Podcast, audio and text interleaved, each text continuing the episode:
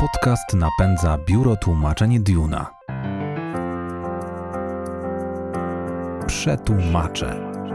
Podcast o tłumaczach, tłumaczeniach, językach i komunikacji. Cześć, nazywam się Kacper Wawrzak, a to kolejny odcinek podcastu Przetłumacze. Dziś goszczę Martę Twarowską i Wandę Grudzień z Fundacji Lusie Polska. Pytam innymi o to, kim jest Lusie, o to, skąd jej plakaty wzięły się w przestrzeni publicznej. Rozmawiamy o przekładzie jej haseł oraz o warsztatach kreatywnego pisania. Posłuchajcie.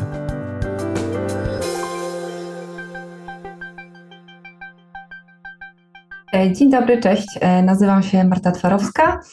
E, Od kilku lat działam w Fundacji Lusie Polska. E, Zajmujemy się prowadzeniem warsztatów kreatywnego pisania. Poza tym, całkiem prywatnie jestem z wykształcenia absolwentką lingwistyki stosowanej, e, stąd też trochę wzięło się moje zainteresowanie językami i zabawą słowem. Cześć, ja się nazywam Wanda Grudzień, również y, działam w Fundacji Lusie Polska i tak samo jak Marta kończyłam lingwistykę stosowaną, Marta była ode mnie rok wyżej i tak samo prowadzę również warsztaty kreatywnego pisania, warsztaty tłumaczeniowe i czasami warsztaty redakcyjne i obie dbamy też o to, żeby plakaty Lusie pojawiały się w przestrzeni publicznej. Drogie Marto, Wando, bardzo dziękuję za obecność, za to, że znalazłyście czas na rozmowę. Fundacja Lusie to bardzo interesujący temat. Może uporajmy się na początek z jej genezą. Jak to było? Jaka jest jej historia, tak pokrótce? Na początku nie było fundacji. Y, Lusie zaczęło się jako taki ruch społeczny, zaczęła się w latach 80. w Holandii. E, I wtedy zebrała się tam grupa znajomych, która postanowiła, że tymi prostymi, czarno-białymi plakatami będzie zmieniać świat. I zaczęli właśnie wspólnie tworzyć te plakaty, które właśnie tą prostą formą miały odróżniać się od e, reklam, kolorowych reklam zalewających przestrzeń publiczną. Zaczęli tworzyć te proste czarno-białe plakaty i umieszczać je w przestrzeni publicznej. I potem, po upadku muru berlińskiego, wyruszyli ci ludzie w taką podróż na wschód, po to, żeby właśnie poznać ludzi tutaj, za tym murem, który właśnie upadł, zobaczyć jakby jakie mają problemy, jakie mają nadzieje na przyszłość i właśnie trochę pokazać im Lusie. I właśnie od tego momentu Lusie pojawiła się w większej liczbie krajów. Obecnie grupy są w ponad 30 krajach na całym świecie. Czasem są bardziej aktywne, czasem są mniej aktywne, ale działają. Plakaty są na naszej stronie lusie.org w archiwum w różnych językach. Można sobie je zobaczyć tam. I właśnie w Polsce na początku Lusie działało jako grupa nieformalna. To znaczy nie miało takiej sformalizowanej struktury, a potem w pewnym momencie zdecydowałyśmy, że chciałybyśmy jakby właśnie działać bardziej formalnie, mieć możliwość też pozyskiwania środków zewnętrznych na różne działania i jakby prowadzenia sprzedaży takich gadżetów z hasłami Lusie. Sprzedajemy na przykład zrywkę co roku, mamy torby, mamy pocztówki, mamy skarpetki też. I właśnie w ten, i, i dzięki temu mamy możliwość właśnie prowadzenia szerszej, szerszej działalności. Mogę tylko do tego jeszcze dodać, że cała ta idea narodziła się w Holandii e, dokładnie 40 lat temu, więc w listopadzie tego roku Lusie obchodzi 40 urodziny. E, skąd w ogóle wzięła się ta postać Lusie? E, ci właśnie, ta grupa ludzi, która zaczęła tworzyć te teksty, nie przypisywała sobie bezpośrednio ich autorstwa, tylko stwierdzili, że na plakatach będzie się wypowiadać Młoda, energiczna dziewczyna, która komentuje rzeczywistość i zachęca nas do refleksji czy do dyskusji. Dlatego zaczęto podpisywać plakaty jako Lusie, a jest to bardzo popularne holenderskie imię żeńskie, coś jak u nas Lusia albo Luśka. Więc to jeszcze bym dodała do tej właśnie genezy, skąd to wszystko się wzięło. I właśnie tak tłumaczeniowego punktu widzenia, wydaje mi się, że tutaj warto wspomnieć, że to jest już taka pierwsza rzecz, która różni polskie i holenderskie plakaty, ponieważ po holendersku ten podpis jest jasny. Wiadomo, że to mówi osoba. A po polsku ludzie jakby nie do końca wiedzą, co to jest, nie do końca wiedzą, jak to przeczytać. Część osób myśli, że loesie pochodzi od poezję, dlatego że te hasła często mają właśnie taki sentencjonalny charakter. Mhm. Więc, a jednocześnie te plakaty, które tworzymy po polsku, są bardzo często też pisane w pierwszej osobie liczby pojedynczej, czyli jakby teoretycznie powinno być widać, że wypowiada się osoba. Ale czasem z drugiej strony też po polsku pojawia się jakby coś takiego jak podwójny podpis. Czyli mam na przykład taki plakat Poszukuję swojej ścieżki rower, a potem Lusie. I mhm. więc po polsku ten podpis funkcjonuje troszkę inaczej. Jakby to jest taki stempel, który przykładamy, że to stworzyła, stworzyła jakby ta grupa ludzi zaangażowana w Lusie, a my prowadzimy warsztaty kreatywnego pisania, które są otwarte, więc tak naprawdę każdy, kto przychodzi na warsztat, może powiedzieć, ja jestem Lusie. E, e, więc jakby po polsku widać, że to działa troszeczkę inaczej. No tak, ale myślę, że ta, ta mgiełka tajemniczości e, dzięki temu e, popularnemu gdzieś za granicą imieniu, a u nas w ogóle, sam nie wiedziałem do dziś, jak to, jak to wymówić, ta mgiełka jest e, kluczowa do tego, żeby faktycznie może wzbudzić jakąś iskrę u widza, który gdzieś na mieście natknie się na taki, taki właśnie plakat. Gdyby był podpisany prostym polskim imieniem, kto wie, czy zdobyłby sobie popularność. Ale Chciałem dopytać e, o te wyzwania językowe, skoro tutaj już na tak podstawowym poziomie, czyli na poziomie tego podpisu, coś e, się pojawia, pojawiają się jakieś pytania, to zapewne język polski e, swoim zwyczajem sprawił jakieś problemy również później. Przykładowo, kiedy jakieś holenderskie hasła, czy też hasła z innych języków miały zostać przetłumaczone. Czy tak się robi w ogóle? Tłumaczy się te hasła? Tak, jak najbardziej prowadzimy też warsztaty y, translatorskie, na których tłumaczymy teksty, które mm, są, istnieją w archiwum, w zasobach międzynarodowych e, po angielsku, po niderlandzku, po niemiecku, czy też w innych językach, z którymi jesteśmy jakoś w stanie przetłumaczyć. Mm, I tutaj właśnie e, ideą tych warsztatów jest to, żeby nie tworzyć jakiegoś plakatu na nowo, tylko tak naprawdę zachować jego ideę i przenieść je na język polski. Mm, I to jest oczywiście czasami wyzwanie. Zawsze przed takimi warsztatami staramy się sprawdzać, czy y, dany plakat ma szansę być przetłumaczony, bo jeżeli to jest na przykład tekst bardzo osadzony w kontekście holenderskim, no to czasami stwierdzamy, że to może nie ma sensu albo to nie będzie funkcjonowało. Mm, ale często e, właśnie dajemy sobie takie wyzwanie I e, właśnie szukamy jakichś analogii e, czy kontekstu kulturowego, coś, co jest osadzone u nas, czy jakichś innych tutaj też wieloznaczności, coś, co funkcjonuje w języku polskim i może po prostu oddać ideę oryginału. Tak, mi się wydaje, że to, co e, Marta powiedziała o tym, że nie staramy się pisać tekstów od nowa, jest bardzo ważne. Warsztaty, tak jak mówiłam, które prowadzimy, są otwarte, więc przychodzą też osoby, które nie zawsze mają doświadczenie z tłumaczeniem i rzeczywiście taką ważną kwestią, którą trzeba, na, na, którą trzeba im zwrócić uwagę, jest właśnie to, że jakby nie tworzymy tekstu od nowa, tylko staramy się znaleźć tą ideę, która jest najważniejsza w tekście. Trochę posługujemy się czasem y, dominantą y, Barańczaka i na tej podstawie staramy się przełożyć tekst po polsku, a nie tworzymy jakby własne wersje na ten temat, na który tekst oryginalny był. E, coś, co czasem jest wyzwanie w tych, e, w tych tłumaczeniach, to e, jakieś cechy charakterystyczne różnych języków. Na przykład język angielski ma bardzo skondensowaną formę. Słowa są bardzo krótkie i mają wiele znaczeń, gdzie często jak zaczynamy właśnie od takiego dosyć dosłownego tłumaczenia tekstu, żeby wydobyć to takie ogólne znaczenie, to często napotykamy taką trudność, że od razu po przetłumaczeniu bezpośrednim tekst robi się dosyć długi.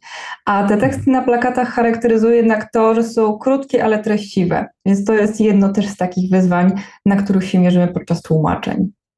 Wspomniałyście już o warsztatach, e, ale ja mam e, troszkę więcej pytań, które, mm, które ich dotyczą. E, skoro na warsztatach można tłumaczyć hasła, to znaczy, że nie można haseł wymyślać od nowa, nie można tworzyć zupełnie nowych plakatów? Od tego mamy inne warsztaty. To są warsztaty kreatywnego pisania. Okay. Lusie działa w ten sposób, że jakby nowe plakaty powstają właśnie na warsztatach kreatywnego pisania, Y, które się zaczynają przedstawieniem się, potem jest taka rozgrzewka, która pokazuje taką metodę, którą później pracujemy, to taka burza mózgów na kartkach, inspirowana dawnymi, dawnymi ćwiczeniami, które, które w latach 30. Y, prowadzili sobie, jakby robili sobie surrealiści. I potem jakby albo wybieramy wspólnie razem z grupą tematy, na które będziemy pisać, albo mamy już przygotowane tematy, jeśli warsztaty są tematyczne, e, a potem właśnie przechodzimy do pisania i na koniec wybieramy najlepsze teksty wspólnie poprzez głosowanie, które idą na drugą część warsztatu, czyli na warsztat redakcyjny.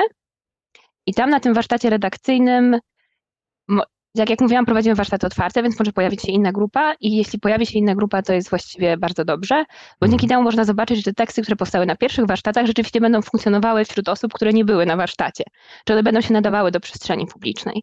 Więc na, tych, na tym drugim etapie y, dopracowujemy te teksty zgodnie z wartościami, które wyznaje Lusie, zgodnie z zasadami, y, którymi się posługujemy przy tworzeniu tych tekstów i wtedy na koniec dopiero po takich z, powiedzmy z 15 tekstów pierwotnych powstaje zwykle około 4-5 plakatów. A warsztaty translatorskie to taka dodatkowa rzecz, którą mamy tak naprawdę tutaj w Polsce, głównie dzięki mojemu i Marty doświadczeniu i dzięki studiom naszym. I właśnie na tych warsztatach tłumaczymy plakaty, które powstały w innych językach. I dla kogo są to warsztaty tak naprawdę? Dla e, młodych tłumaczy? E, nie, jakby my nie ograniczamy tego, kto może przyjść na warsztaty. Warsztaty są zawsze otwarte, e, ale jakby mamy świadomość, kogo mogą zainteresować takie warsztaty, więc rzeczywiście zawsze staramy się reklamować e, wśród jakby studentów właśnie na przykład z naszego dawnego mhm. kierunku. Wspomniałaś o tym, że jedna, dobrze gdyby ta druga grupa różniła się od pierwszej składem e, i jest takim e, wtedy organem testującym skuteczność tych haseł, które powstały w, grupie pierwszej na pierwszej części zajęć. Czy jeszcze w jakiś inny sposób testuje się ich skuteczność? No bo dobrze byłoby, żeby mm, ten przekaz e, był na tyle jasny, na ile powinien być, ale też, żeby był wieloznaczny, żeby mm, e, troszeczkę prowokował do myślenia, prawda? Więc gdzieś ten złoty środek musi zostać znaleziony, ale jak go zmierzyć? E, pomiędzy warsztatami pisania a warsztatami redakcyjnymi My tutaj właśnie jako moderatorki też staramy się trochę sprawdzić te teksty. Czyli owszem, grupa drogą głosowania wybrała te teksty, które podobają im się najbardziej, w których widzą największy potencjał, ale my jeszcze dodatkowo sprawdzamy je w Google, bo bardzo ważne jest to, żeby teksty, które trafiają na plakaty, żeby one były autorskie, żeby to było coś nowego, żeby to nie było powielanie jakichś memów, które też krążą w internecie. Owszem, e, fajnie, jeżeli te teksty czasami inspirują się jakimiś obiegowymi um, sformułowaniami, czy coś, co, czy, co funkcjonuje w języku, ale jednak chcemy, żeby to było coś nowego, autorskiego. Więc to już taki robimy tutaj pierwszy etap weryfikacji, zanim te teksty trafią na um, warsztat redakcyjny. E, czasami też wewnętrznie e, w naszym gronie e, Lusie się zastanawiamy, który tekst ma największy potencjał. Czasami już proponujemy jakieś takie wstępne wersje, I potem na tych warsztatach redakcyjnych to jest tak naprawdę kontynuacja tego procesu pisania. Czyli mm, patrzymy świeżym okiem na te teksty jeden po drugim, pojedynczo e, i zastanawiamy się nad znaczeniem słów, czy tutaj e, tymi słowami dobrze została wyrażona idea, to o co nam chodziło, to co chcemy przekazać na plakacie, bo czasami tak naprawdę na tych warsztatach redakcyjnych może nie, nie nazwałabym tego pisaniem tekstu od nowa, ale bardzo często dużo się zmienia w danym tekście, bo podobał nam się jakiś pomysł, ale musimy po prostu dopracować brzmienie, dobór słów. Czasami jest to odwrócenie kolejności, e, żeby tutaj podkreślić jakiś kontrast, e, czy żeby tutaj bardziej ta treść wybrzmiała. Warsztaty kreatywnego pisania wydają się dobrym pomysłem na naukę języka. Czy zdarzyło się, żeby ktoś, kto nie jest native'em języka polskiego, przyszedł na takie warsztaty, albo na przykład, czy są warsztaty prowadzone w Polsce w innych językach?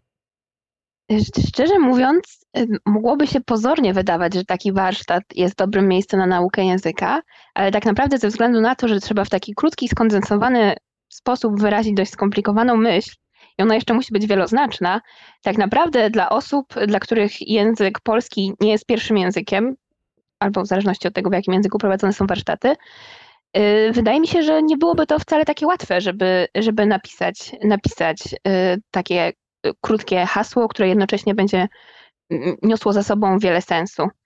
Y, ja na przykład pisałam pracę licencjacką, w której oprócz porównywania tłumaczeń angielskich i polskich tekstów Lusie Y, pisałam też jakby porównanie tego, w jaki, jak, jak, czym się charakteryzują teksty, które powstają w obu językach.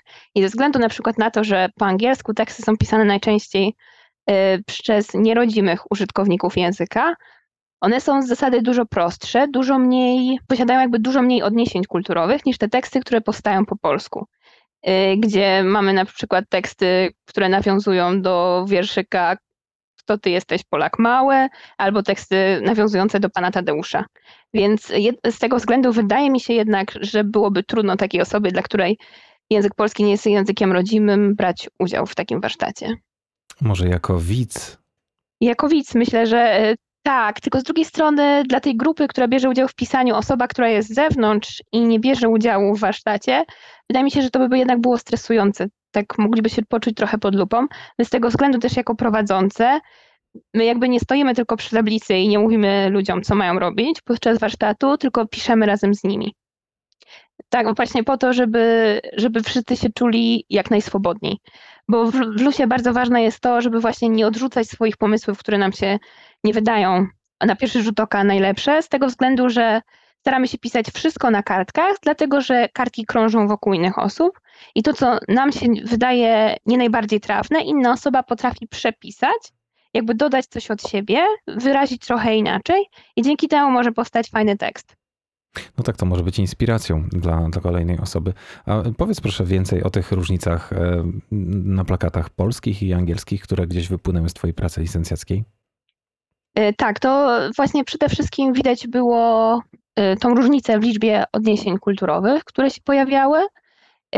Też te teksty po polsku często miały więcej znaczeń niż jedno, i używały bardziej wieloznacznych słów. Właśnie z tego względu, że teksty, które powstają po angielsku, powstają najczęściej w trakcie pisania online, prowadzonego przez grupę Lucie International. To jest taka organizacja parasolowa, która zrzesza grupy Lucie z różnych krajów. Więc tam się spotykają osoby, które najczęściej do dyskusji posługują się takimi tematami globalnymi, które są najbardziej jakby najbardziej nośne jakby na całym świecie, tak, albo w Europie. E, więc rzeczywiście widać, widać różnice w tych tekstach. I też e, zdarzały się e, takie różnice graficzne, bo czasami też teksty, mimo że hasła są w takiej prostej, czarno-białej formie, czasami pojawiają się jakieś odniesienia graficzne na plakatach.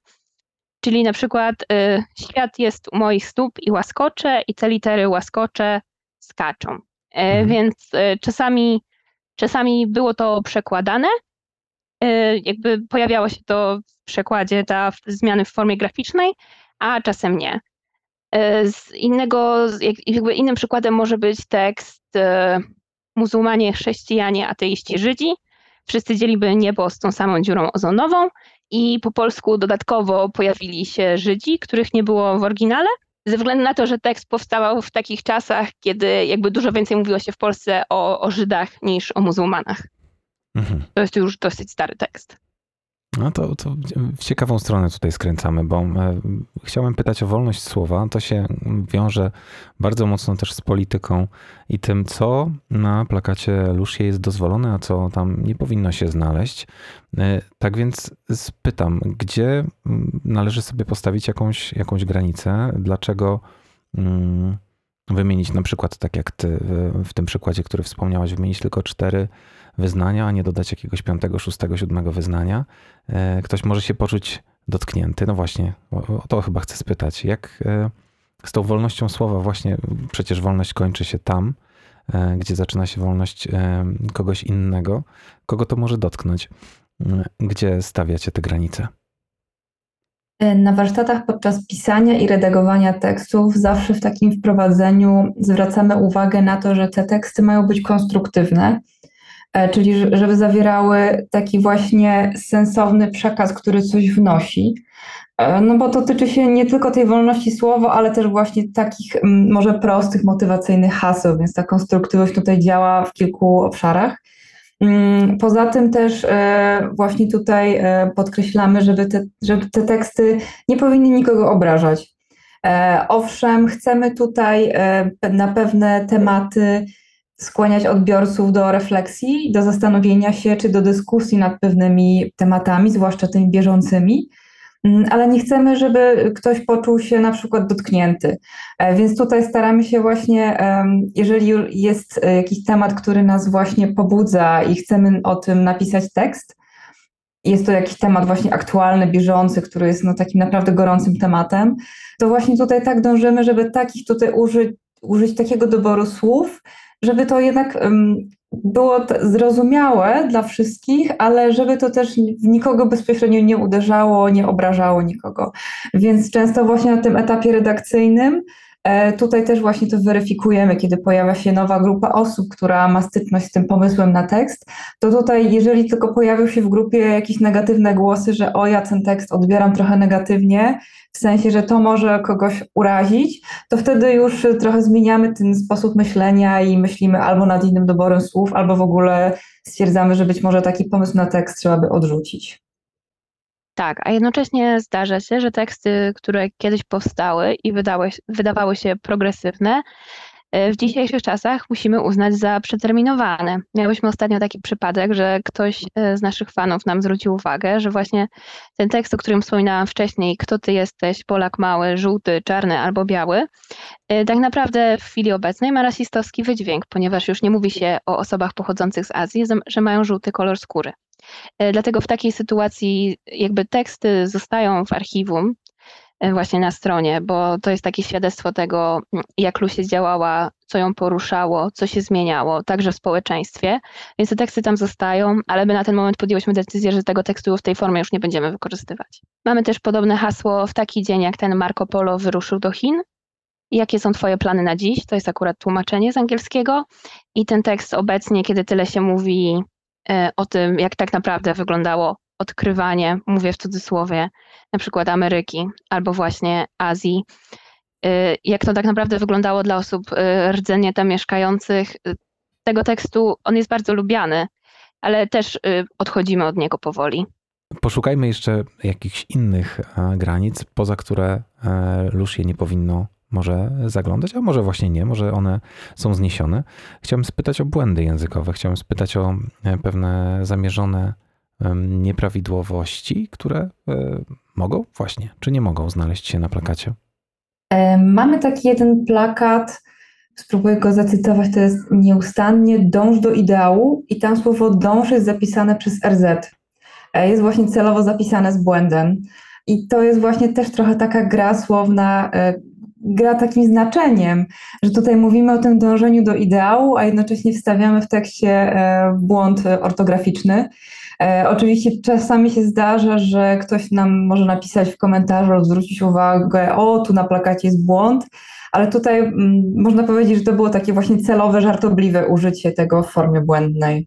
Jeśli ktoś zwrócił, jeśli ktoś zwrócił uwagę, to nie zrozumiał chyba, prawda? Tutaj pojawia no tak, ten... tak. E, tak, ten tekst jest zdecydowanie takim sztandarowym przykładem, e, który mamy na to, jak właśnie można zagrać w takim krótkim tekście w przestrzeni publicznej e, błędem ortograficznym. Tak. No a wulgaryzmy, jest na nie miejsce? W trakcie pisania na warsztatach pisania zawsze mówimy, że jakby można używać wulgaryzmów w trakcie pisania, Potem, jeśli jesteśmy na warsztacie redakcyjnym, no to grupa już zdecyduje, tak, czy ten wulgaryzm jakby ma sens, ma jakiś cel, czy jest tam użyty po prostu bezcelowo. Chociaż tak naprawdę rzadko się zdarza, żeby ludzie używali wulgaryzmów.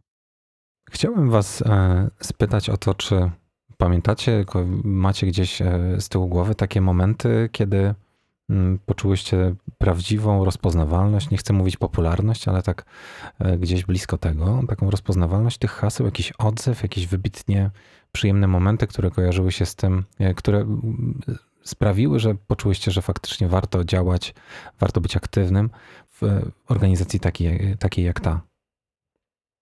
E, dla mnie fajny moment to jest ten moment, w którym właśnie na warsztatach, na początku warsztatów przedstawiamy się i mówimy skąd znamy Lusię, bo bardzo często y, zdarza się, że właśnie osoby, przychodzą osoby, które gdzieś widziały Lusię na mieście, więc widać właśnie sens takiego działania, umieszczania tych plakatów y, gdzieś w przestrzeni publicznej, na muralach czy na wlepkach, y, bo widać, że to działa i przyciąga uwagę ludzi. Mm, tak, myślę, że mam podobne odczucia. Też to e, zawsze miło się robi, e, kiedy e, osoby przychodzą na warsztaty i w tej takiej krótkiej rundce na początku mówią, że widziały właśnie teksty gdzieś w mieście albo w internecie, e, albo w ogóle ktoś czasami mówi, że był już kiedyś na innych, na innych warsztatach i wraca ponownie, bo formuła się spodobała i taka osoba chce dalej pracować ze słowem.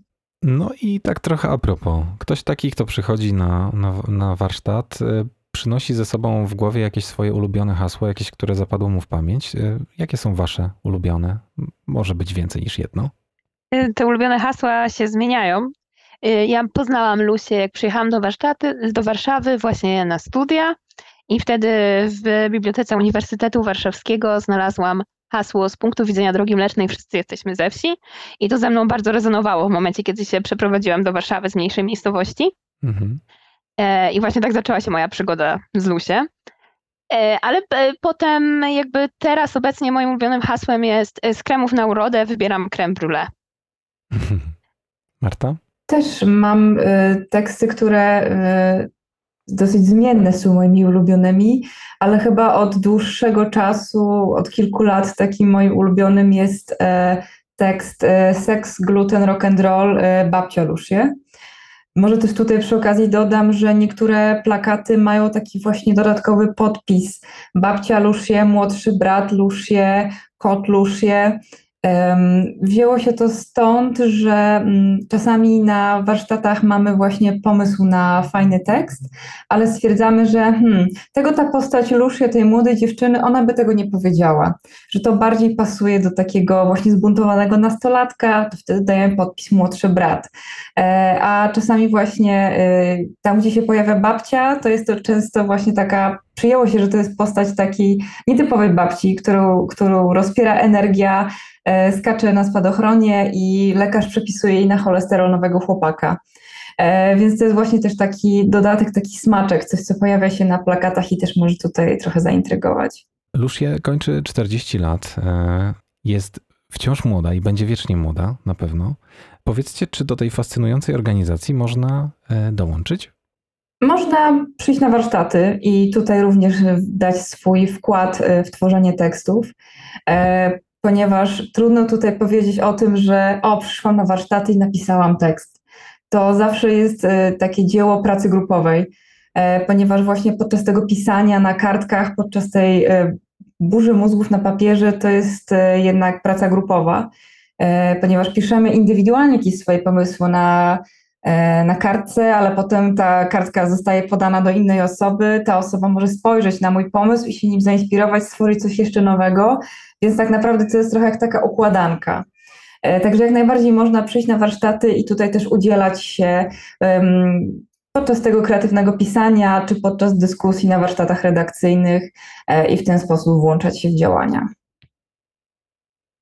Tak, a jeśli ktoś jest wytrwały, to właśnie tak jak my, bardzo dużo przychodzi na warsztaty i wciągamy go pod swoje skrzydła. Ale jest też- drugi sposób, żeby włączyć się w działania Lusie, czyli właśnie z naszego archiwum na stronie lusie.org można sobie wydrukować plakat, który nam się podoba najbardziej, który naszym zdaniem przemówi do naszych sąsiadów albo znajomych ze szkoły i właśnie powiesić go u siebie na klatce albo na tablicy ogłoszeniowej w szkole. I w ten sposób właśnie szerzyć ideę Lusie.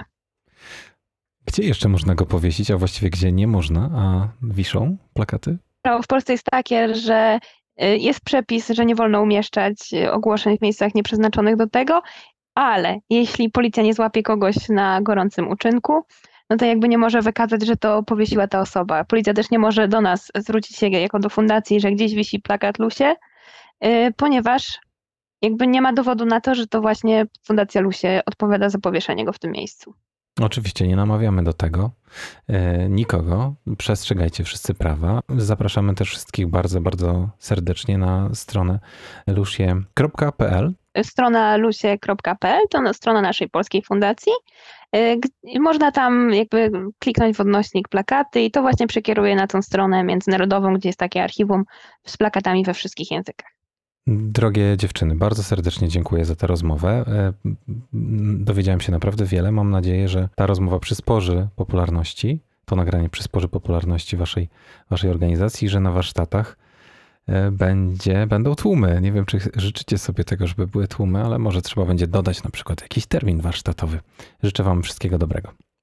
Można nas też na warsztaty zaprosić, ponieważ warsztaty są e, otwarte, my je organizujemy, ale też organizujemy przy współpracy e, z instytucjami, bibliotekami, szkołami. E, także tutaj w zależności od strony, która nas zaprasza, te warsztaty mogą mieć troszkę dopasowaną formułę. E, również dla firm też organizujemy warsztaty, wtedy tylko one mają inną formułę, bo docelowo wtedy nie tworzymy plakatów Lushie, tylko takie właśnie mm, piszemy sobie w grupie teksty inspirowane tymi plakatami i wykorzystujemy tę samą metodologię. Ponieważ tu też można, możemy tu, mogę tu jeszcze dodać, że jednak w całej idei chodzi o to, żeby plakaty miały wykorzystanie niekomercyjne, czyli jak najbardziej można je komuś e, wręczyć w prezencie, e, czy właśnie powiesić na klatce schodowej, ale z założenia te hasła nie mogą mieć charakteru reklamowego czy sprzedażowego.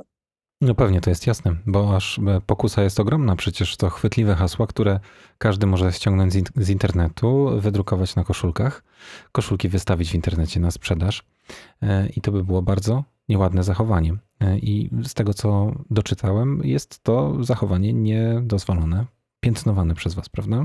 Tak, mamy też prawa autorskie zastrzeżone do podpisu więc e, z całą pewnością nie można robić czegoś takiego.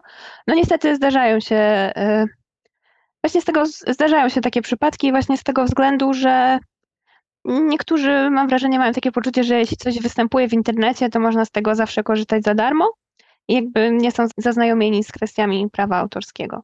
I wtedy rzeczywiście zdarzają się takie przypadki, no ale my wtedy staramy się kontaktować z taką firmą, z takim podmiotem i jakby wytłumaczyć o, o co chodzi.